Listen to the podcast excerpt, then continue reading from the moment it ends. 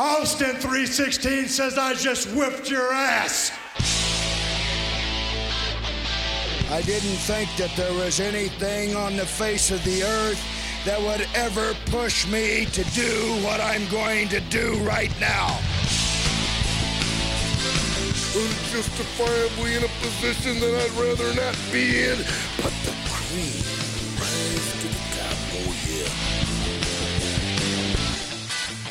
A lot of guys try to walk the line, and you know what? They get their butt beat.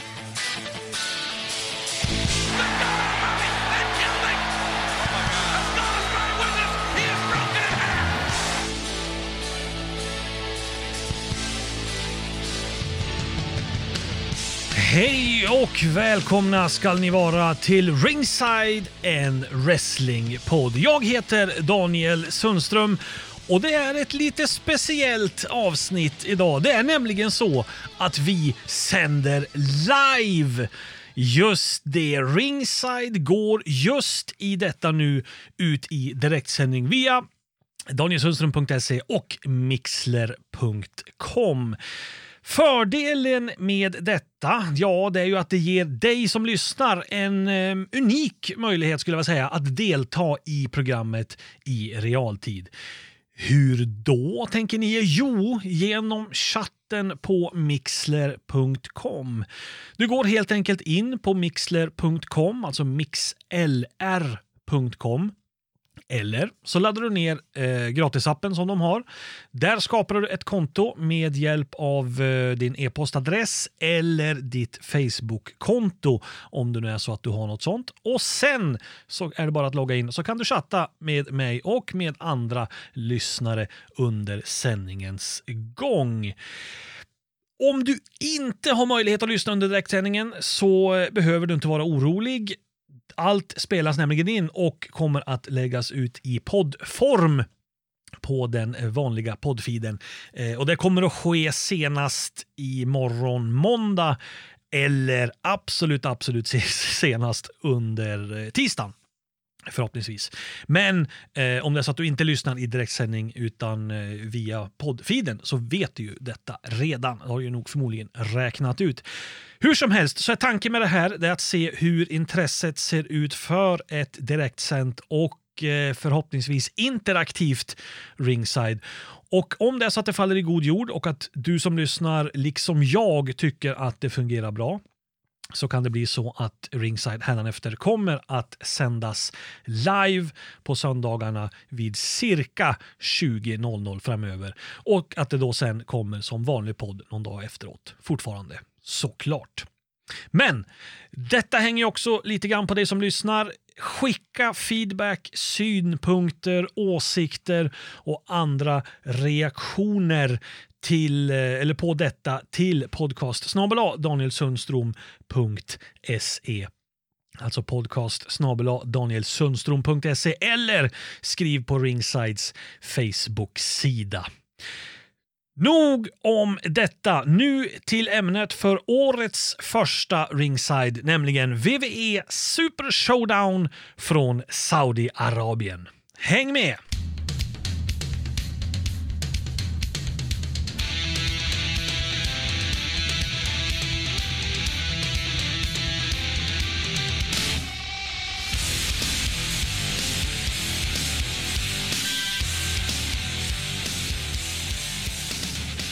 Vi är i Riyadh i eh, Saudiarabien och ehm, ja, Super Showdown, årets eh, första Saudiarabien-show från VVEs sida. Och eh, vad kan vi säga om detta då, annat än att eh, ja, det vanliga tugget om att eh, det här med lämpligheten i att eh, VVE är där överhuvudtaget.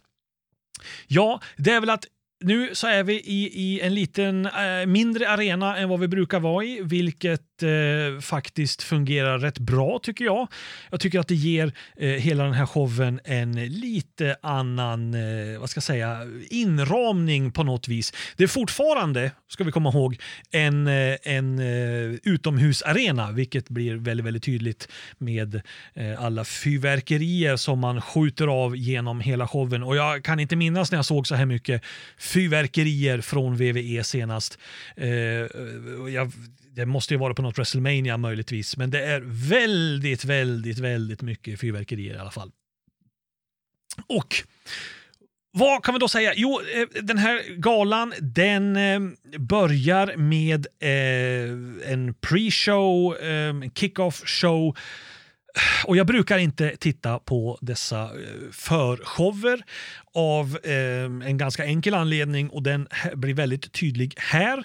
Den håller på i en timme och under den timmen får vi en enda match. Den håller på i tio minuter. Resten är alltså bara snack och eh, promovideos och lite sånt här just för att få folk intresserade av att titta på resten av showen och köpa pay per view eller skaffa eh, ett konto på WWE Network så att man kan titta eh, den vägen.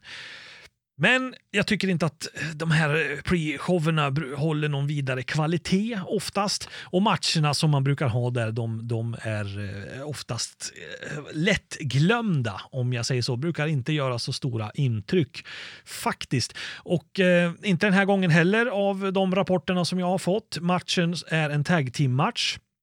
Det är The OC, alltså Luke Gallows och Carl Anderson som möter The Viking Raiders Erik och Ivar, eller Erik och Ivar som vi hade sagt här i Sverige. Men nu är det amerikaner så då får vi stå ut med Erik och Ivar. Ja, så. Eh, OC vinner efter ungefär 10 minuter och eh, det här är väl egentligen inget tag team som har pushat speciellt mycket den sista tiden.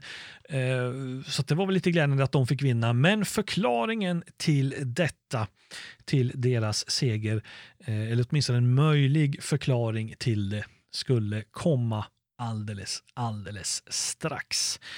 Därför att den första riktiga matchen på eh, den här galan, det är en så kallad Gauntlet match och det är då om den enligt utsago prestigefyllda Tuwaik Trophy.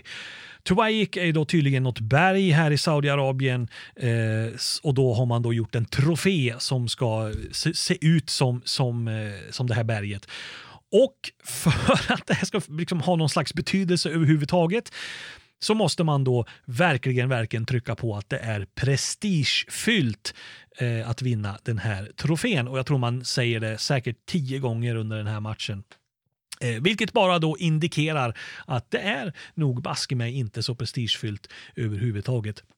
Det har ju varit lite så, det är lite historien eh, med de här Saudiarabien-showerna från VVS sida.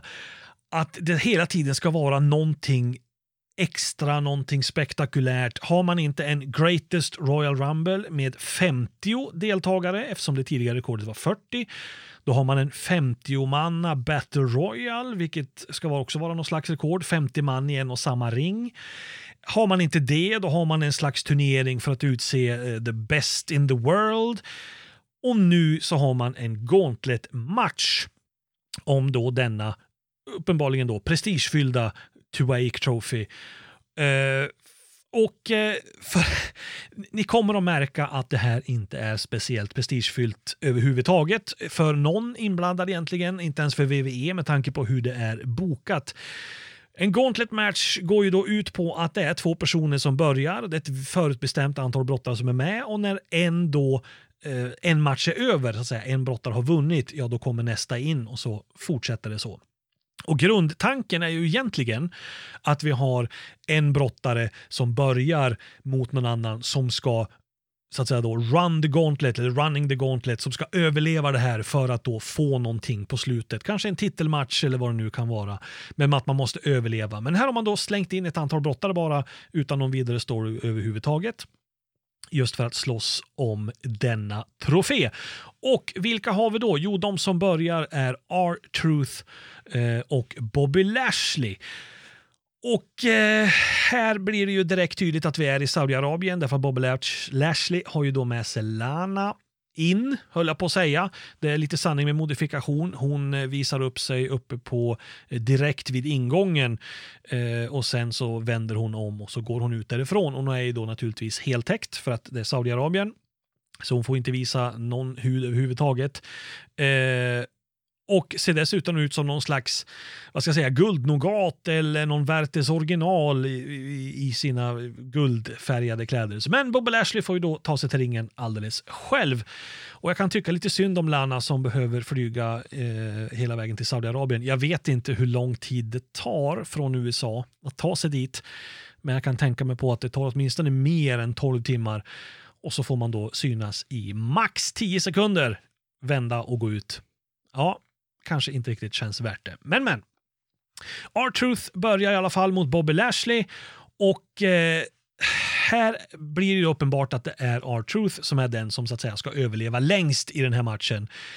Men för att det ska finnas någon slags värdighet kvar i de brottare som han eliminerar så behöver det bli eh, slumpartat, alltså han råkar vinna i princip. Och han är ju dessutom en mer komisk karaktär, R-Truth, än någonting annat, vilket är synd. Jag gillar inte detta, men eh, och, och jag tycker det är väldigt synd eftersom han är en, en väldigt, väldigt talangfull brottare i övrigt. Eh, den här matchdelen med Bobby Lashley pågår kanske i fem minuter eller någonting. Eh, och eh, bland annat så lyckas R-Truth skära upp sig i, i kinden så han blöder. Men sen så ska då Bobby Lashley göra ett spear in i ringhörnan.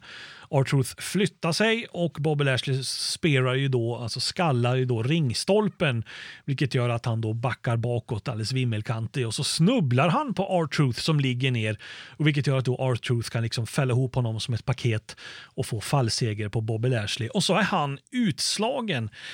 Men då behöver han ju få tillbaks också lite trovärdighet så han får ju eh, någon minut på sig där sen att eh, spöa upp R-Truth ordentligt efter detta innan han lämnar. Nästa man in är US-mästaren Andrade och eh, då har vi ju en eh, mörbultad R-Truth som eh, borde bli ett lätt byte. Men så blir det inte. De här brottas kanske också i uppemot en fem minuter eller vad det nu kan vara och eh, sen så ska Andrade göra eh, någon slags spinning elbow på R-Truth.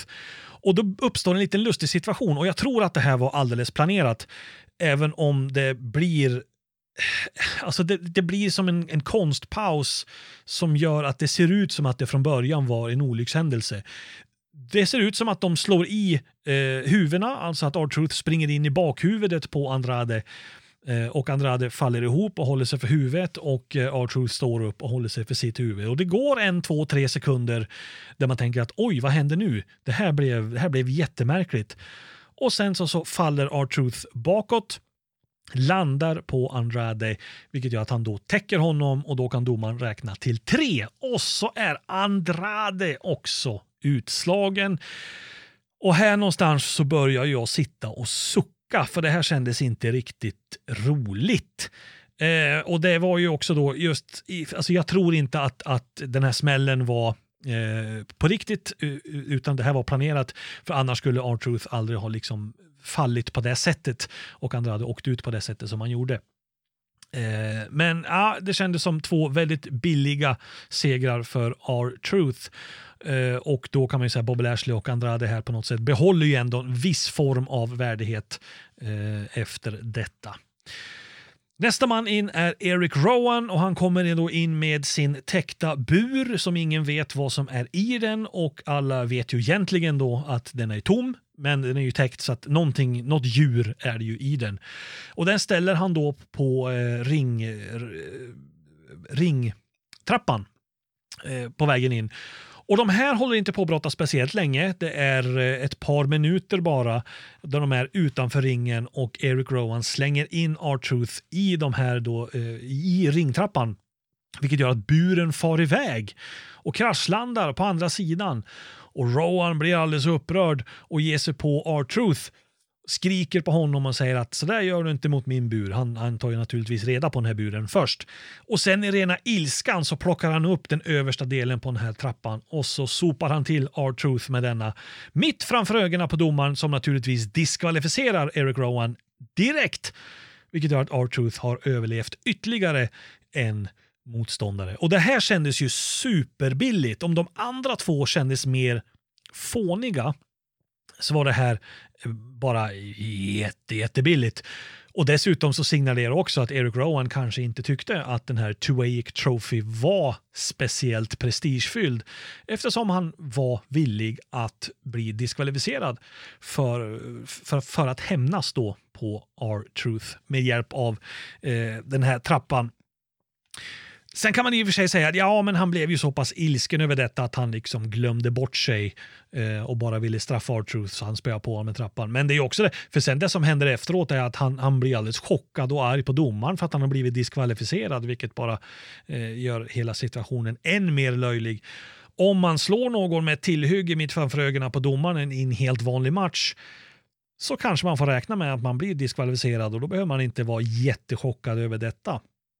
Det är lite grann som när Bret Hart åkte ut på eh, ett SummerSlam för ett antal år sedan när i, i en eh, 14 manna tag team match. Det var väl 7 mot 7 Nexus på ena sidan och Hitman eh, Bret Hart då ingick på andra, i det andra laget och använder en stol för att sänka någon och domaren står och tittar på och diskar honom och han blir alldeles förvånad och tycker att det här var ju jättemärkligt. Eh, det, de reaktionerna har, har, jag aldrig riktigt förstått och eh, Eric Rowan reagerar på samma sätt här och det tycker jag bara blir jättefånigt. Vi har två gubbar kvar. Den som kommer in härnäst är AJ Styles och nu har vi ju en R-Truth som är riktigt, riktigt mörbultad. Han har fått stryk av Bobby Lashley, han fick stryk av Andrade och dessutom har han fått en trappa över sig eh, från Eric Rowan. Och han har, det är ju ena axeln och armen som hänger och han kan inte röra den och han kan knappt stå upp. Och det här njuter ju AJ Styles över och det här tycker jag faktiskt Styles gör bra för han ser verkligen väldigt, väldigt överlägsen och kaxig ut. Dessvärre så drar man ut på det här alldeles för mycket för R-Truth ligger bara ner och AJ Styles ska ju håna honom då så han går ju runt i ringen och smådansar på samma sätt som R-Truth brukar göra Eh, och sen så, så kan han sparka honom lite grann då på den här skadade armen eller axeln. Och så dansar han lite till och så sparkar han och så dansar han lite till och så tänker man att men kom till skott någon gång. Eh, och det gör han ju till slut så han, han eh, kopplar på ett benlås på, eh, på R-Truth som då ger upp och blir eliminerad. Men det här hade man kunnat gjort på 30 sekunder, kanske en minut. Nu tycker jag att det här tog alldeles, alldeles för lång tid. Eh, och att AJ Styles blev eh, ja, faktiskt mer larvig än, än, än kaxig. Jag tycker att han framstod på, på, på ett sätt som jag inte var riktigt bekväm med. Men eh, det var vad det var. Sen spelade, spelas Ray Mysterios musik. Han ska vara sista mannen eh, in. Men han kommer inte in. Det blir en kort paus. Eh, AJ Styles går omkring i ringen och flinar och det här borde vara ett varningstecken. Sen spelar man eh, Mysterios musik igen. Han kommer fortfarande inte in eh, och då, då klipper vi till eh, backstage där vi då ser The OC, Luke Gallows och Carl Anderson spöa upp Rey Mysterio riktigt ordentligt så att han ligger eh, liggandes på marken och kan inte ta sig någonstans överhuvudtaget. Och det är antagligen Eh, så hade, var det väl därför OC fick vinna sin match på pre-showen också för att eh, man skulle ha något så att säga, de skulle se bättre ut i den här situationen och det skulle bli mer. Eh, för sen klipper vi tillbaka till ringen och AJ Styles säger att ja, men, eh, Rey Mysterio kommer inte komma, alltså borde jag vinna. Och Han skäller på domaren som vägrar utse honom till vinnare och han går och skäller på timekeepern och säger att du får väl ändå ta och ringa klockan nu, men det kan han ju inte göra för det måste ju domaren säga till om. Men domaren vägrar. Till slut så säger domaren att okej, okay, jag räknar till tio om Mysterio inte har tagit sig tillbaks eh, inom det, den tiden. Då har du vunnit. Och så börjar man räkna och någonstans vid 5-6 då klipper man tillbaks backstage Eh, och då ser man då eh, Luke Gallows och Carl Anderson eh, som liksom kastas in i bild. Kameran ligger på golvet och så kastas de in i bild och landar på marken eller på golvet precis framför och har jätteont. Och alla tänker, men vad är det som händer nu? Och domaren har blivit så chockad så han har ju slutat räknat naturligtvis. Och sen kommer det då ett par eh, svarta, svart, eh, svarta skor in i bild tillsammans med en lång, lång svart rock. Och det förvånar väl absolut ingen överhuvudtaget att det var The Undertaker som dessutom då kom ut och eh, gjorde sin sakta mak, tog sig in till ringen. Eh, och där står han stirrar ut AJ Styles som tittar på honom. Styles börjar väl skälla lite grann på Undertaker och sen ska han väl till slut, återigen, det här drar man ut på alldeles för länge, till slut ska han attackera Undertaker som då helt enkelt bara eh, tar, tar ett stryptag på honom och ger honom en chokeslam och sen täcker honom för tre. Och Undertaker, som inte ens var anmäld, vinner denna prestigefyllda Tuwaic Trophy. Ja, jag vet inte. Alltså, det här händer allt för ofta att brottare och personer som inte har varit anmäld till en match helt plötsligt kan besluta sig för att jag ska vara med. Och så, nej, jag tycker inte om detta. Jag förstår att det, man ska kanske inte sitta och leta logik i, eh, i wrestlingmatcher, men jag irriterar mig på detta och just att, att, att, att det sker på det här sättet också. Återigen då, Undertaker har flugit till Saudiarabien för att komma in, stirra på Styles, ge honom en chokeslam och sen fallseger. De kanske stod och tittade på varandra, alltså allt som allt, eh, då räknar jag bort hans entrance i och för sig då, men allt som allt 30 sekunder. Och AJ Styles gjorde heller inte speciellt mycket. Han gick runt och dansade och sparkade på R-Truth och gjorde ett benlås. That's it. Så att jag tycker att den här matchen, Gauntlet-matchen, är jättedålig. Det är nog bland det sämsta jag har sett på länge och det säger faktiskt en hel del. Jag tyckte inte att elimineringen av Bobby Lashley var speciellt snygg. Jag tyckte definitivt inte att, att elimineringen av Andrade, när de slår ihop huvudena, var speciellt bra. Att Eric Rowan blev diskad kändes bara alldeles för billigt. Det var bara ett sätt att bli av med ytterligare en brottare. Styles gör ingenting mot R-Truth mer än att han då mest dansar. Och sen då Styles mot Mysterio hade ju kunnat bli riktigt, riktigt bra. Men det får vi inte, utan istället får vi då Undertaker som gör en, ett grepp och det är en chokeslam och så vinner han. Syftet här är ju då att sätta upp en match mellan Undertaker och Styles på WrestleMania, så det finns ju en tanke till varför det blev som det blev. Men jag är ändå inte nöjd med detta alls. Usch! Nej, det var rent ut sagt dåligt. Bättre skulle det faktiskt bli eh, om vi går, går till match nummer två som egentligen är match nummer tre, men vi räknar bort pre-show tag team-matchen. Så match nummer två är en tag team-match om då Smackdown Tag Team-titlarna. Det är mästarna New Day, Big E och Kofi Kingston som ska försvara dem mot The Miz och John Morrison. Och John Morrisons återkomst till WWE den har ju varit allt annat än, än, än ärofylld. Han har inte gjort speciellt mycket väsen av sig och eh, det var väl ingen som trodde att eh, det skulle bli något titelbyte här. Det brukar ju inte eh, bli så på de här Saudi-showerna.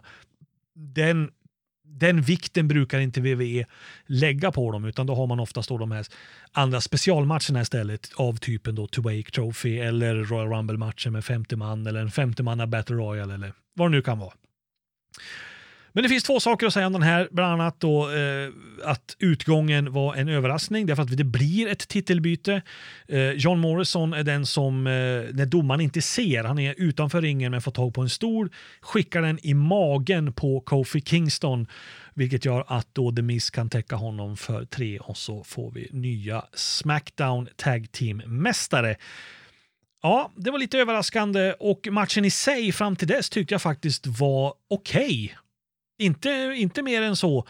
Uh, det kändes som en tv tag team match om ni förstår hur jag menar. En sån match som man brukar lägga på ett Raw eller ett Smackdown. Men inte som en pay-per-view tag team match. Men den var ändå okej. Okay. Det fanns ingenting här som var direkt förolämpande om jag säger så. Den var liksom inte dålig på något ställe. De gjorde inga dumheter utan den var stabil men den lyfte liksom aldrig. Däremot var då avslutningen någorlunda överraskande som sagt. Och den andra saken som jag skulle vilja säga det är Kofi Kingstons dyk eh, från ringen och på utsidan när han då ska försöka träffa The Miz. Och här vet jag inte om det blev någon slags eh, kommunikationsmiss mellan de här två eller om det var tänkt att det skulle vara på detta sättet. Men Kofi Kingston missar ju detta. The Miz flyttar sig och Kingston då som har hoppat över det översta topprepet landar platt på ryggen på golvet nedanför. Det såg riktigt, riktigt brutalt ut måste jag säga.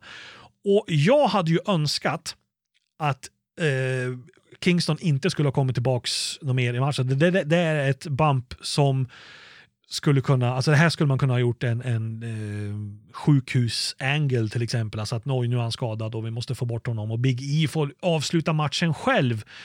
Men Kofi Kingston lyckas ju komma tillbaks in i matchen sen igen. Och det är det som gör att jag lutar åt att det kanske var ett misstag ändå. För en sån, ett sånt bump borde göra att han ligger och kvartar åtminstone tio minuter utanför. Och innan den tiden så, så var ju den här matchen slut. Men han kom som sagt tillbaks och så var det han som fick stolen i magen sen. Så ingen, ingen bra kväll för Kofi Kingston, det kan man inte säga. Men matchen, den var okej. Okay. Nästa match är eh, Angel Garza mot Umberto Carrillo. Och eh, här måste jag säga att jag har inte sett mycket av någon av de här två egentligen. Eh, Angel Garza måste jag säga att jag gillar hans attityd. Han kommer in som den här kaxiga, hånleende bad guyen och, och jag tyckte att han, att han gjorde det faktiskt rätt bra. Matchen i sig, den pågår ungefär 10 minuter. Den är också okej, okay, inte mer. Den har några dippar måste jag väl ändå säga eftersom jag tycker att det blir några missar. Eh, och jag vet inte om, om, om det beror på Garza eller på Carillo, men, men det spelar egentligen ingen roll. Eh, och sen måste jag också säga det, jag förstår inte varför man ska säga Garza på ett amerikanskt sätt medan man säger Umberto Carrillo på ett mexikanskt eller spanskt sätt. Borde man inte säga Angel Garza? Jag vet inte. Det är bara en petitess. Hur som helst, Eh, så avslutas matchen med att eh, Carillo ska göra en sunset flip på Garza som då sätter sig ner över bröstkorgen och ansiktet på Carillo och får tag i ena benet och kan då rulla ihop honom till ett nätt fint litet paket och få fallseger.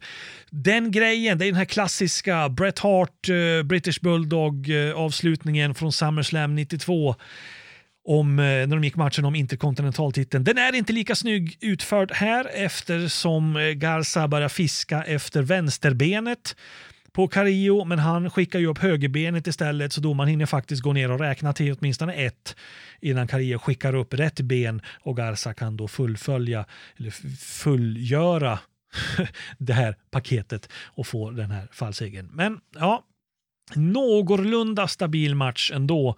Eh, och jag tycker att rätt person vann. Garza var den som övertygade mest. Eh, några små dippar, men eh, ja, inte, inte mer än godkänd. Eller okej, okay, ska jag väl säga.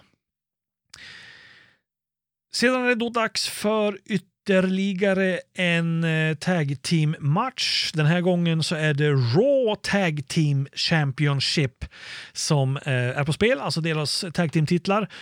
Och eh, då är det mästarna Seth Rollins och Murphy som ska försvara dem mot The Street Profits, Angelo Dawkins och Montez Ford. Och här så har vi nu ytterligare en sån här situation, ytterligare en sån här sak som jag retar mig på. Det här är ju en petitess, det har ingenting med matchen att göra. Men jag kan inte släppa det. Varför envisas VVE med att gång på gång, titt som tätt, utan någon som helst förklaring eller anledning bara stryka ett för eller efternamn hos sina brottare?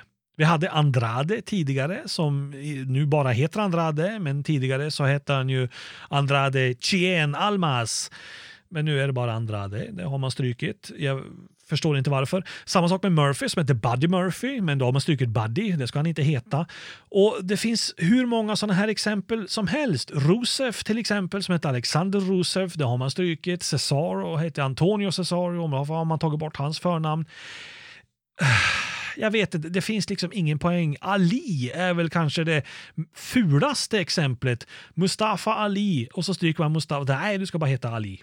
Jaha, och så hette han det ett par veckor och sen så, så fick han tillbaka sitt, sitt eh, förnamn. Nej, jag fattar inte varför man håller på så här, men tydligen ska han heta Murphy nu för tiden. Och det här var ju någonting som kommentatorerna också hade svårt att förhålla sig till.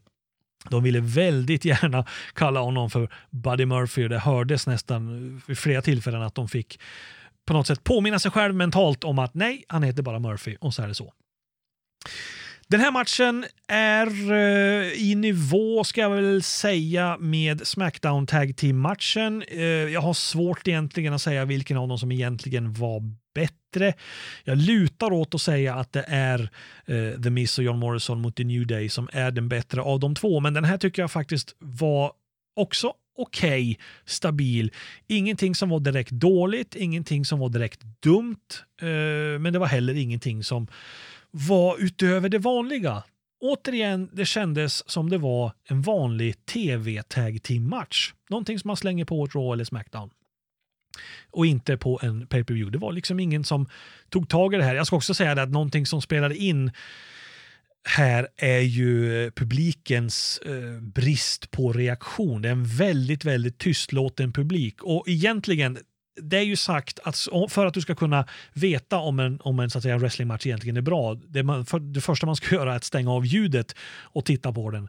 Uh, för att publikens reaktioner, eller i det här fallet brist på reaktioner, kan liksom göra att man upplever matchen på ett annat sätt. Om det är en väldigt engagerad publik så lyfts ju hela upplevelsen. Och eh, som det nu blir i de här fallen när vi har en väldigt tystlåten publik eh, så känns allting mer vad ska jag säga, långdraget. Ehm, men eh, ja, nackdelen med den här matchen, om jag nu ska liksom hitta någonting och peka ut någonting som gör att den här är sämre än Smackdown Tag Team titelmatchen så är det att här är det alldeles för mycket double teaming. Domaren tillåter alldeles för mycket att alla fyra är inne samtidigt. Jag är ju av den lite äldre skolan som tycker att ja, wrestling är på låtsas, men det finns ändå så att säga regler att förhålla sig till och då tycker jag att för att det ska finnas någon slags trovärdighet i att man på något sätt presenterar någon sportrelaterad produkt så borde man ändå försöka eh, hålla sig till de här reglerna. Eller domaren ska ändå på något sätt försöka se till att man håller sig inom det här ramverket eh, som man då ändå har. Men i den här matchen så tycker jag att man blir alldeles för slapphänt på detta. Eh, och det ja, jag gillar inte riktigt det.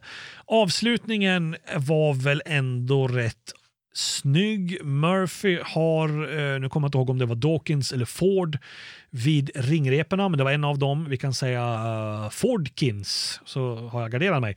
Har Fordkins vid reporna eh, och då kliver domaren in och säger att nej, du måste backa undan. Och när domaren har ryggen vänd mot eh, hela situationen så passar Seth Rollins på att göra sin curve stomp på eh, Fordkins, eh, vilket gör att då Murphy kan få eh, fallseger på honom och eh, de kan gå därifrån med titlarna i behåll.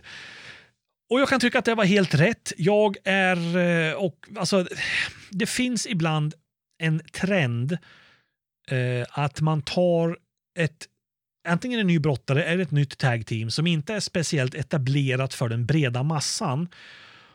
Och så eh, låter man dem vinna en titel ganska så omgående.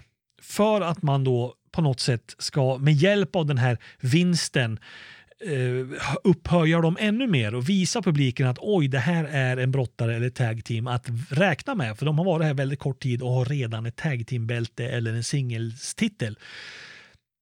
Men jag gillar inte riktigt det. Jag vill ju ha mer att man under en längre period bygger upp de här brottarna eller tag-teamen tills man, de har nått en nivå där man tycker att nu är det väl ändå dags för dem att på något sätt fejda om en titel eller, eller ha en möjlighet att få gå någon titelmatch.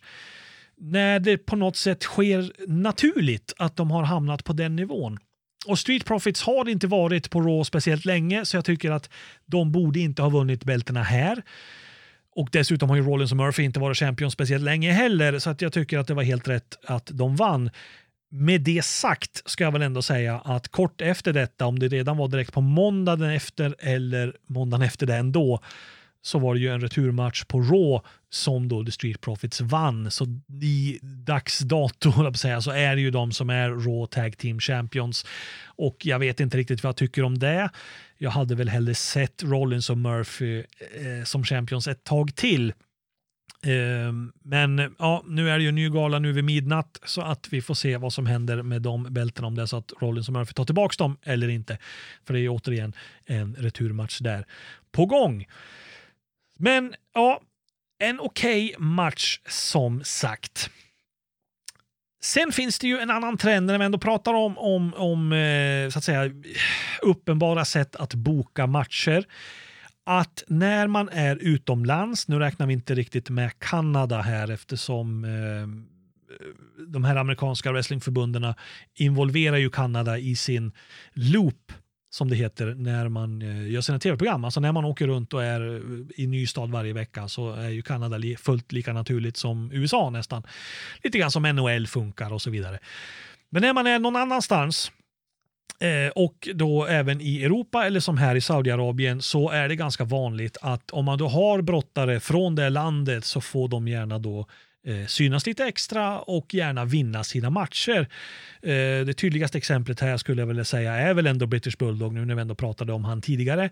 Eh, vinsten på SummerSlam 92 som gick på Wembley Stadium i London till exempel eller om vi då bara backar knappt ett år till 91 så var man där och körde någonting som hette Battle Royale at Albert Hall där han då fick vinna först en singelmatch och sen hela Battle Royalen efteråt. Och det är just för att publiken då ska bli extra glada över att deras inom citationstecken brottare fick vinna. Och så gör man även här, därför att det finns ju en brottare från Saudiarabien som är kontrakterad av WWE som heter Mansour. Och jag kan säga att jag inte sett mycket av honom och det vet jag inte om många har gjort överhuvudtaget för han verkar bara dyka upp när man är i Saudiarabien. Så det är ungefär två gånger per år. Och då får han då gå matcher och vinna. Han vann den här 50-manna Battle Royalen till exempel. Han har gått en match mot Cesaro som han har vunnit. Och här får han då möta Dolph Ziggler i en match som, ja precis som alla andra, den följer liksom mallen. Den är okej. Men inte speciellt mycket mer. Jag förstår också om det är så, för det är naturligtvis Mansour som vinner Eh, och jag kan väl lägga till det att jag blev faktiskt rätt imponerad av honom eh, i den här matchen. Jag tyckte att han eh, kunde sälja rätt bra och kunde utföra grepp rätt bra. Eh, så att det här kanske är någon som kan bli någonting större med tiden. Om det nu inte är så att han är med så länge den här dealen som WWE har med Saudiarabien gäller och så fort den slutar gälla och den inte förnyas så kanske han inte får vara kvar. Vi får väl se vad som händer. Men jag förstår att om man vill ha honom här och han ska gå en bra match, se bra ut och få vinna så kan man då slänga in en sån som Dolph Ziggler som är perfekt i den här rollen. Han är en brottare som, som alltså jag ser så himla mycket Kurt Hennig i honom. Och det är kanske därför som jag gillar Dolph Ziggler så speciellt mycket. Det enda som stör mig är ju att han hamnar i de här situationerna och rollerna också. Jag skulle vilja se han pushas betydligt mer, för jag tycker att han är en sån som används på helt, helt fel sätt allt för många gånger av WWE. Och även här, även om det på sätt och vis blir på rätt sätt, för att han är den som kan få Mansour att se riktigt, riktigt bra ut. Så att det är, ja, jag vet inte, det är pest eller kolera här på något vis. Eh, matchen är i alla fall 10 minuter, Mansour vinner. Det är inte så himla mycket att säga om det annat än om avslutningen som eh, är nog, eh, ja, om inte... Eh, uppenbarligen så är Dolph Ziggler inte skadad eftersom han kommer att vara med på Elimination Chamber nu i natt. Men när jag såg det så tänkte jag att har han inte brutit revben så har han förmodligen fått någon spricka någonstans. Därför att det som händer är att Mansour ska ju då göra en moonsault men missbedömer avståndet. Och det här är ju någonting som lätt händer när du ska göra grepp, eller grepp är det ju inte, men när du ska göra manövrar som en moonsault när du då klättrar upp på ringhörnan med ryggen vänd ut mot ringen. Du ser inte vart motståndaren är. Och Då är det alltså då först när du sitter längst upp och om du kastar ett getöga bakom ryggen för att se vart motståndaren är. Det är först då du upptäcker om du är om motståndaren ligger på rätt ställe eller om det är för långt eller för kort avstånd eller vad det nu kan vara ska du göra ett vanligt dyk från topprepet och du går ut för repen och ut på ringkanten och börjar klättra upp så är det mycket mer naturligt när du vrider huvudet att du ser vart motståndaren är. Och du kan då redan där justera vad du ska göra. Där du tänker Åh, nej, men nu, det, måste jag anpassa avståndet eller jag får ta något annat ringhörn eller vad det nu kan vara. Men här så skuttar han bara upp och så gör han sin bakåtvolt, sin moonsault. Och Dolph Ziggler mitt i detta upptäcker ju, han vill ju naturligtvis att Mansour ska se så bra ut som, som det bara går. Det är också tänkt att Mansour är den som ska vinna på just det här greppet. Så han måste ju på något sätt då, Ziggler alltså, försöka rädda upp hela situationen. Så han försöker liksom skifta sig någon meter närmare ringhörnan så att Mansour överhuvudtaget ska träffa honom. Vilket han gör, men inte på det sättet som det är tänkt. Därför att det som träffar Dolph Ziggler rakt i bröstet det är Mansours knän. Och här får vi då alltså så att säga ben mot ben, det vill säga skelettben mot skelettben. Och det är, kan inte ha varit mysigt. Eh, och jag tänkte ju, alltså den, den smällen som blev, den var så pass jag tänkte att här finns det nog risk för att det blev, kan ha blivit någon slags revbensskada eh, på Dolph Ziggler. Men han verkar ju ha klarat sig, som tur var. Mansour fick vinna som sagt på detta. Efter matchen håller han också någon, då, någon slags promo som jag spolade förbi, men eh, eh jag antar att han pratade om att eh, hur roligt det var att få eh, brottas i sitt hemland och vinna framför eh, hemmapubliken och hur tacksam han är för allt stöd och så vidare. The usual stuff, så att säga. Noterbart dock är att publiken inte var speciellt intresserad. Som sagt, det var en väldigt tystlåten publik.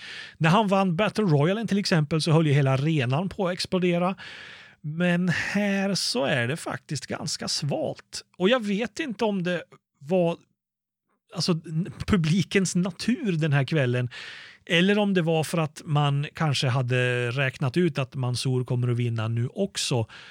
Och att det dessutom är en helt vanlig match mot Dolph Ziggler som inte är speciellt pushad. Han ligger någonstans vid midcard.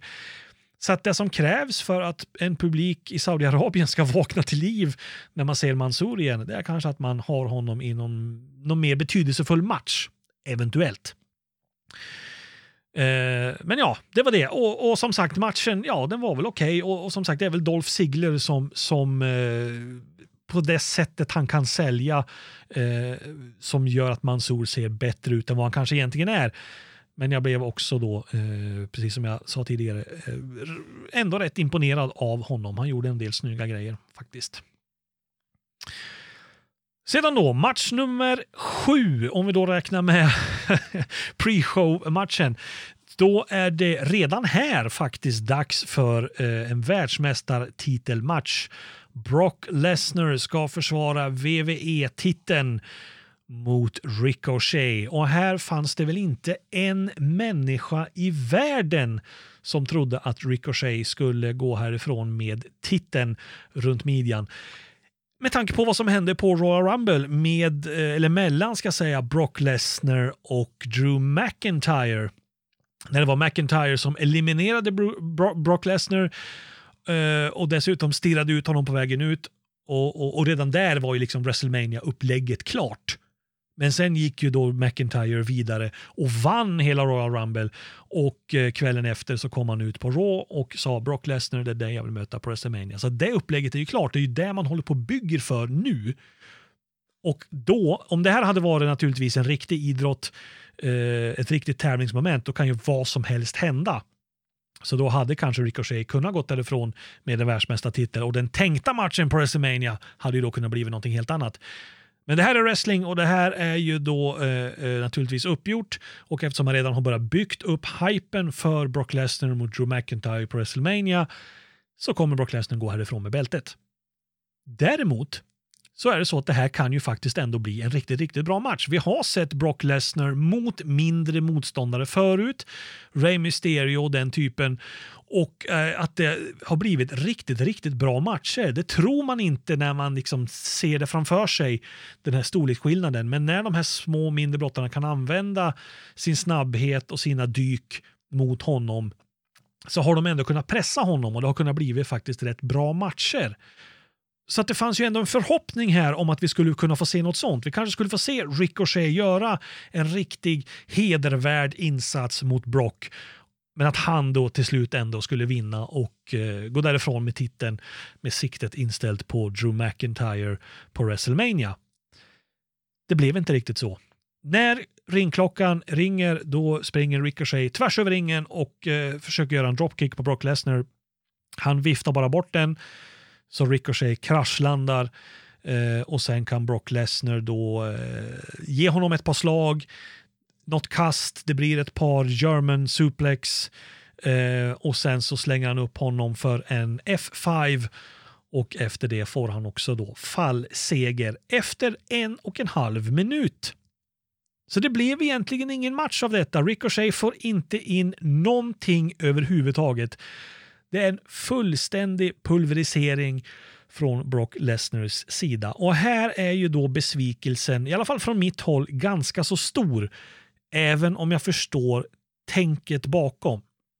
Därför att nu handlar det om att få Brock Lesnar att se ut som det här riktigt stora ostoppbara monstret så att när väl eh, Drew McIntyre besegrar honom på WrestleMania, för det är där vi kommer att hamna, och tar bältet så kommer den vinsten att bli så mycket mer värd. Det här var exakt samma sak som WWE gjorde med Ronda Rousey till exempel när hon fick eh, tvåla till Ruby Riot på, om jag tror det var förra årets eller eh, Elimination Chamber eller året före.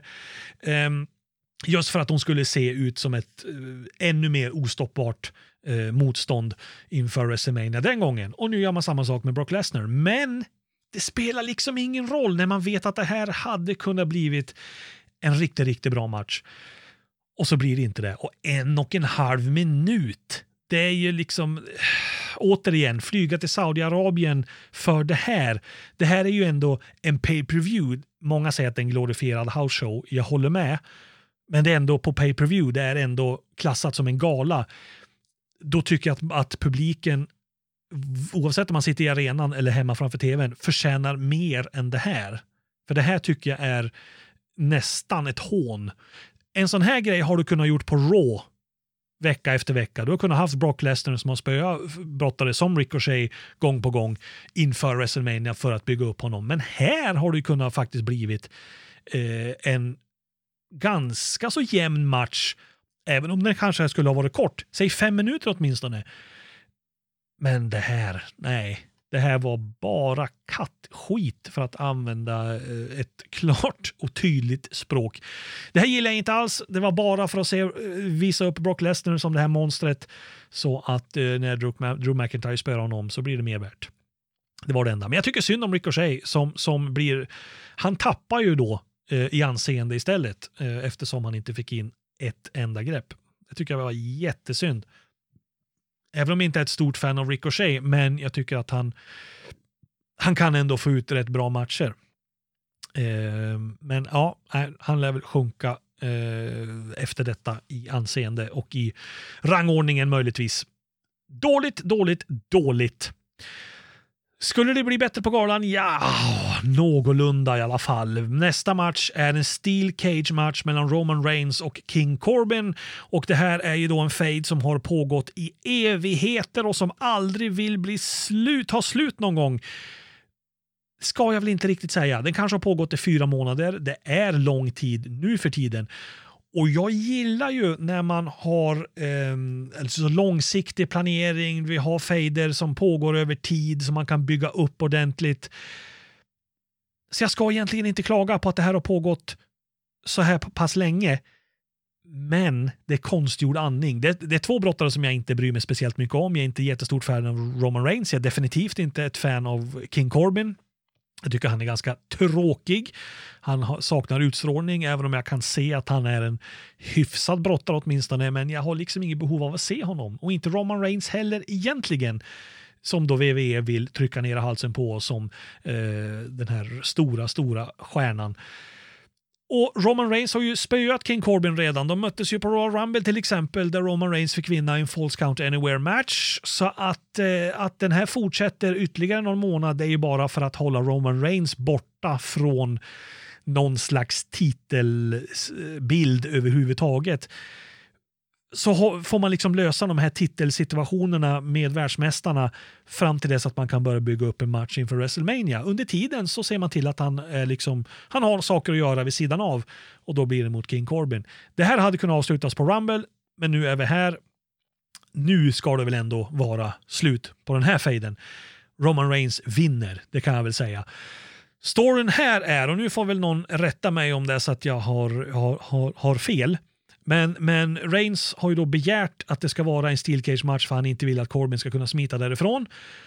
Så han har ju med sig en egen kedja och ett eget hänglås som man kan använda för att låsa dörren in till den här buren. För att det är inte bara det att man kan vinna den här matchen inne i buren, man kan även vinna genom att ta sig ut därifrån, antingen klättra ut eller ut genom dörren. Men han låser den här dörren med kedjan och hänglåset. Han har en liten nyckel med också som han då sen av någon outgrundlig anledning gömmer i fickan.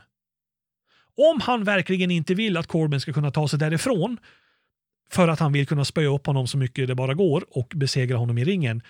Varför kastar han bara inte ut nyckeln? Det hade ju varit hur lätt som helst. Istället så blir ju storyn här under den här matchen som pågår i kanske 12 minuter någonstans.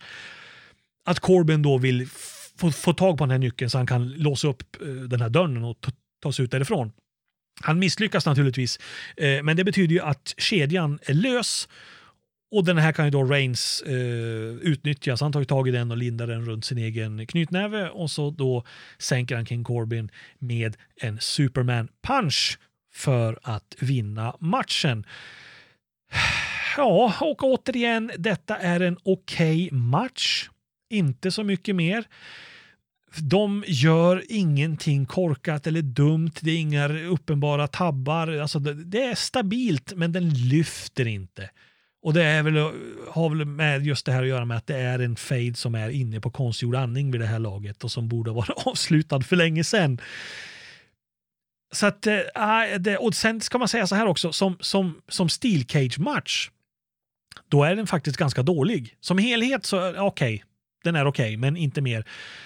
Men steel cage matcher ska ju vara, ska man egentligen använda, tycker jag, återigen då, jag av den gamla skolan, men det ska man ju kunna använda för att avsluta en fade på riktigt, en riktig blodsfade mellan två brottare, eller fler då, men oftast två, som riktigt hatar varandra och använd då buren för 17 bövlar. Nu var man uppe och klättrade lite i den, men om man, om man framställer en steel cage match som den absolut farligaste miljön en wrestlingbrottare kan befinna sig i, ge mig då för bövelen lite blod. Använd buren, gnid in ansiktet på motståndaren i de här eh, stålnätet, kasta in varann i buren, använd den som ett vapen.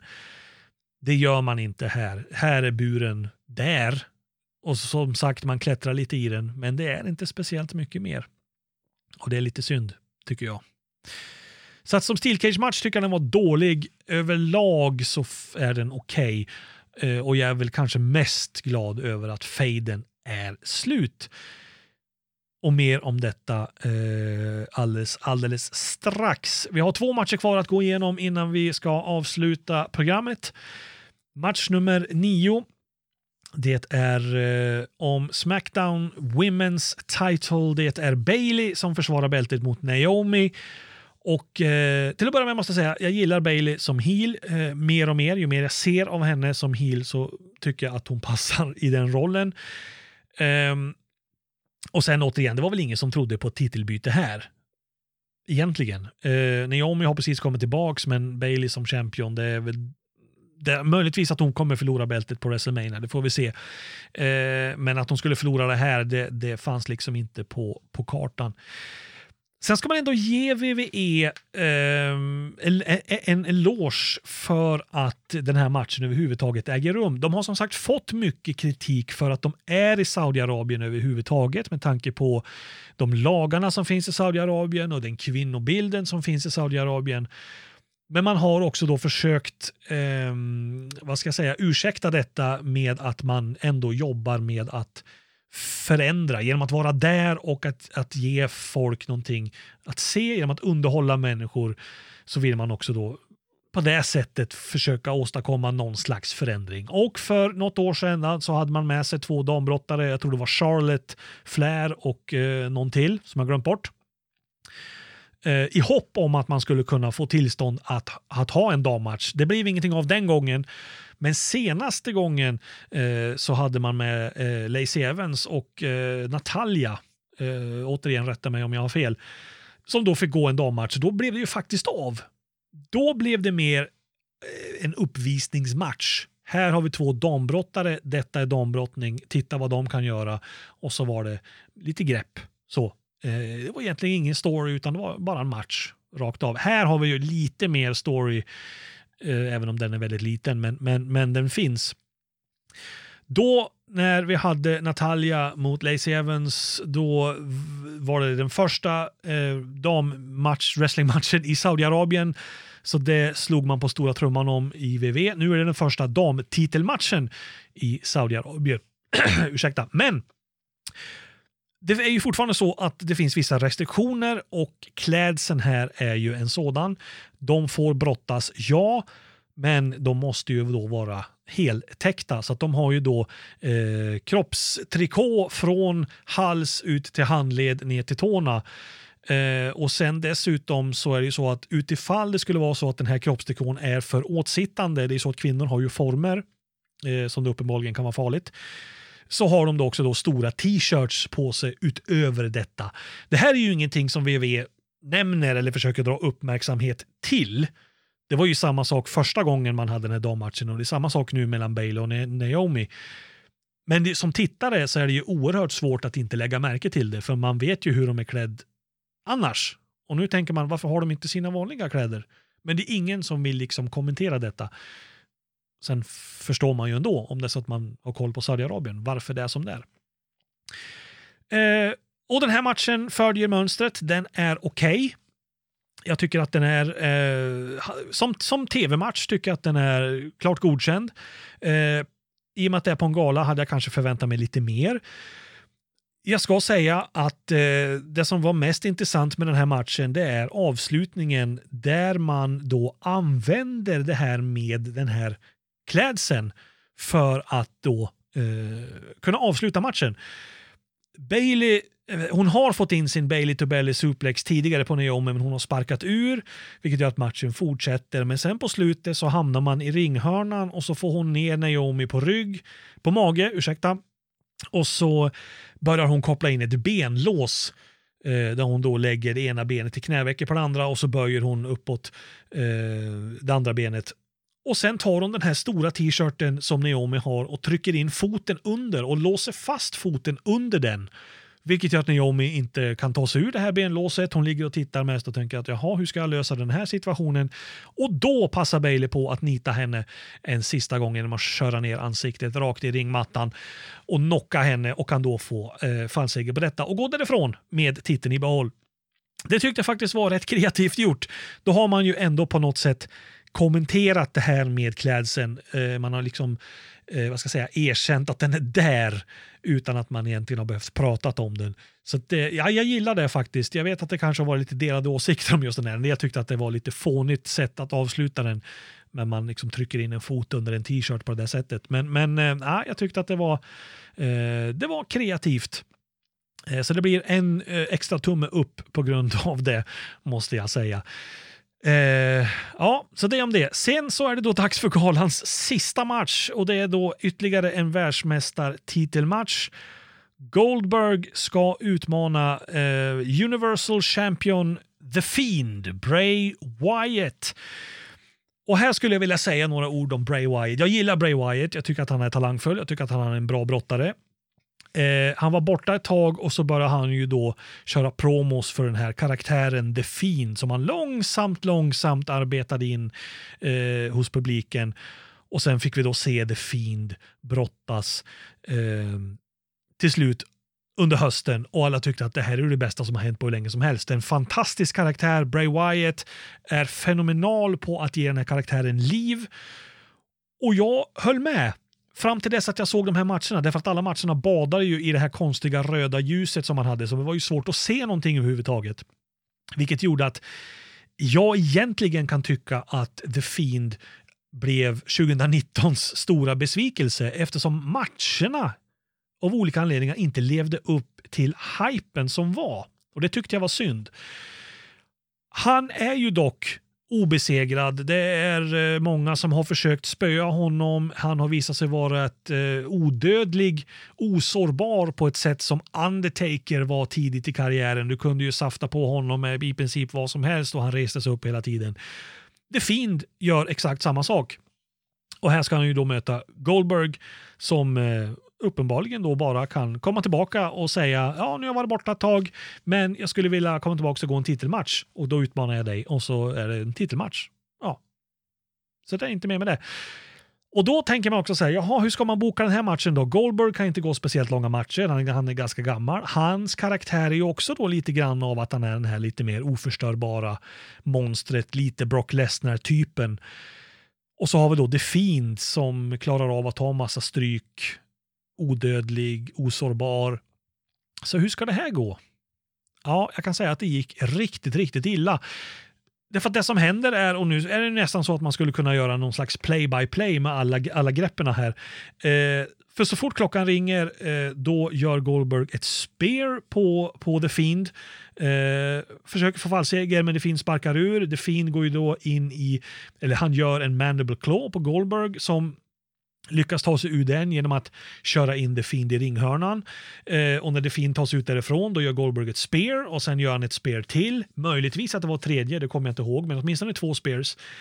Eh, försöker få fallseger om jag minns rätt. The Fiend sparkar ur. The Fiend går återigen in i en mandible claw. Eh, men Goldberg börjar då skalla honom och skicka på honom lite knän i magen och sådär så han kan ta sig ur det här. Eh, och sen gör han förmodligen den absolut eh, sämsta jackhammern som jag har sett någonsin. Eh, och man tänker att eh, sen går han då för täckning igen för att vinna.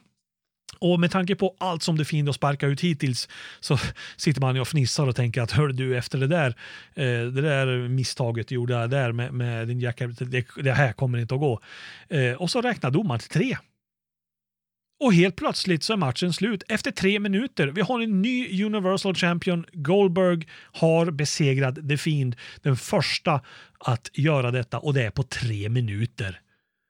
Naturligtvis blev fansen riktigt, riktigt sura. Jag kan inte säga att det var så mycket reaktioner in i arenan, inte vad jag hörde åtminstone. Men på nätet.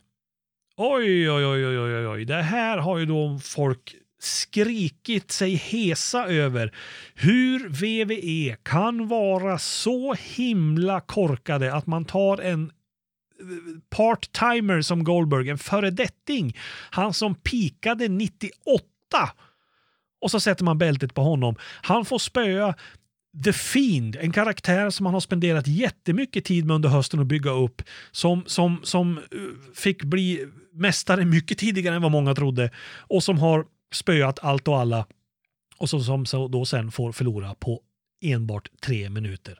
Hur kan man vara så dum? Är tanken. Men det finns faktiskt en förklaring. Man behöver inte gilla den om man inte vill. Men tanken är ju då, och nu kan vi gå tillbaka till Roman Reigns och den här fejden med King Corbin, att redan på nästa Raw så kom han in och utmanade Goldberg om en match på WrestleMania alla visste inom citationstecken att Reigns kommer att gå en titelmatch på WrestleMania. Det är därför man har liksom gett honom den här fejden med Corbin för att han ska ha någonting att göra under tiden. Och då var ju tanken då att han skulle få gå den här matchen mot Bray Wyatt, eller The Fiend, på WrestleMania. Och den matchen kommer att komma någon gång, det är jag stensäker på. Men då tycker Vince McMahon och WWE att det är mer pengar i en match mellan Goldberg och Roman Reigns. Eftersom Goldberg hos den breda massan är mer känd. WrestleMania är ju en gala som drar folk som inte normalt sett tittar på wrestling. Man kanske bara ser WrestleMania. Det kan komma 50, 60, 70 tusen till arenan som ser WrestleMania. Och då är Goldberg ett större namn. Jag köper detta, jag förstår förklaringen, jag förstår tänket. Det är en, man kallar det för marquee match. Eh, ska man annonsera ut en match, Goldberg mot Roman Reigns smäller högre än Roman Reigns mot Bray Wyatt. Punkt. Men jag tycker inte att det var rätt i alla fall. Däremot ska jag säga att det största problemet det är inte det att Goldberg besegrade Bray Wyatt. Det var en situation man, man upptäckte att man befann sig i när man kom på att man ville ha Goldberg mot Roman Reigns. Då måste vi ta bältet av Bray Wyatt. Det största misstaget man gjorde det var att man satte bältet på Bray Wyatt och The Fiend när man gjorde det. Det skulle man ha väntat med om man hade haft en mer långsiktig planering. Men det hade man inte. Utan man upptäckte att det här var en karaktär som gick hem, det här var en karaktär som blev poppis, folk ville se The Fiend, då sätter vi bältet på honom så fort vi bara kan. Vilket var huvudmisstaget. Så nu har han gått ett par månader och varit mästare och när man då upptäcker att, äh, men vänta lite nu. Det är nog förmodligen mer pengar, mer hype kring Goldberg mot Roman Reigns. Ja, då, då, då står man där och får skörda det här misstaget. För då måste han besegra Bray Wyatt och The Fiend. Och då säger många att det här tar ju död på hela karaktären. Ja, eventuellt kan det vara så. När Goldberg var obesegrad i WCW och förlorade den eh, streaken som det heter, så blev han aldrig riktigt eh, lika stor igen. Eh, mystiken kring honom var borta på ett sätt och det kan bli samma sak här med The Fiend. Det återstår att se. Men jag tror inte att sista ordet är sagt. Jag tror att man kan bygga upp den här karaktären även efter detta. Och förmodligen så kommer ju det gå till så att det är Reigns som besegrar eh, Goldberg på WrestleMania, tar bältet och sen kommer man bygga då upp Reigns mot Bray Wyatt senare. Det är just det att det är ett WrestleMania och då vill man ha ett större namn och då blev det Goldberg. Ja, så är läget. Vad kan vi då säga om den här galan som helhet? Ja, ja jag vet den är, Det är ju så här med de här Saudi-showerna, man har inga förväntningar alls. Därför att man har lärt sig att WWE gör de här lite grann vid sidan av. Man åker dit och så har man med eh, stora namn, man har kanske lite högprofilerade matcher men det är, liksom, det är som att de lever i sin egen värld på något vis. Eh, och det är egentligen ingenting som händer på de här sadoshowerna som brukar ha effekt på så att säga, produkten i övrigt eller storylines i övrigt att eh, Braun Strowman vann den här femtemanna Royal Rumble-matchen till exempel och fick ett slags mästarbälte för det. Det har vi aldrig sett röken av tidigare. Eh, eller att Mansour vann den här Battle Royalen. Vi har ju inte sett honom heller sedan dess knappt, annat än på de här Saudi-showerna. Så att det är sällan någonting händer här som har effekt efteråt. Nu har det ju det, med tanke på vad som händer och alltså att vi har ett WrestleMania som kommer. Eh, men det har ju också då gjort att man har inte de här förväntningarna alls man tänker sig, okej okay, nu ska jag se wrestling, punkt. Men jag tror inte att det kommer bli bra. Och ändå så lyckas de göra en besviken. Jag tycker att det är eh, en bedrift när man inte har förväntningar och ändå så sitter man och gapar och tänker att det här blev ju inte bra. Det började jättedåligt måste jag säga med den här Gauntlet-matchen. Eh, Tag team-matcherna, de var okej. Okay. Eh, och vi kan även nämna eh, framförallt då Bailey mot Naomi. Det är väl de tre matcherna som är bäst skulle jag säga. Eh, och sen liksom allt det andra är så här, ja okej, okay, det duger väl kanske lite grann och det är snudd på okej okay, och det ligger liksom där i de trakterna och sen får vi de här titelmatcherna. Brock Lesnar mot Ricochet, en och en halv minut, det är ju pannkaka så det bara smäller om det. Eh, Goldberg mot Bray Wyatt, det blir inte mycket av en match. Det är för att Goldberg kan inte gå långa matcher. Och det är bara konstigt bokat och det är synd om det Fiend och Bray Wyatt och att man satte sig den sitsen från första början. Det skulle man inte ha gjort. Så det är en jättekonstig avslutning på hela galan och, och eh, enda anledningen till att det pratas så mycket om den är just därför att dels att folk är så pass upprörda över att Goldberg vann och tog bältet men också för att det får effekt på WrestleMania. Ja, så att det, ja, eh, det blir faktiskt tummen ner naturligtvis.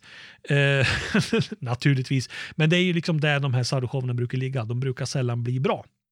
Så, de har väl aldrig varit bra. Men, eh, och sen när man gör det på det här sättet så blir det inte mycket bättre av det.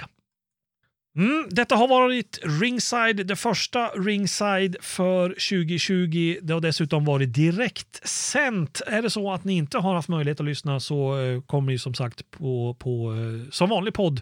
Eh, men lyssnar ni några dagar efteråt så har ni ju märkt detta redan så att jag behöver inte egentligen säga det. Men jag skulle vilja ha er feedback på hur ni har upplevt detta. Är det här någonting som ni tycker funkar och fungerar? Att ha en direktsänd wrestlingpodd söndagar 20.00. Skicka all möjliga former av feedback och synpunkter, åsikter och övriga reaktioner till podcast snabel-a danielsundstrom.se. Alltså podcast snabel-a danielsundstrom.se.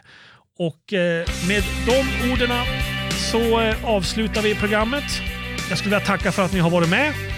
Och eh, vi hörs förhoppningsvis då nästa söndag. Annars hörs vi när vi hörs. Adjö!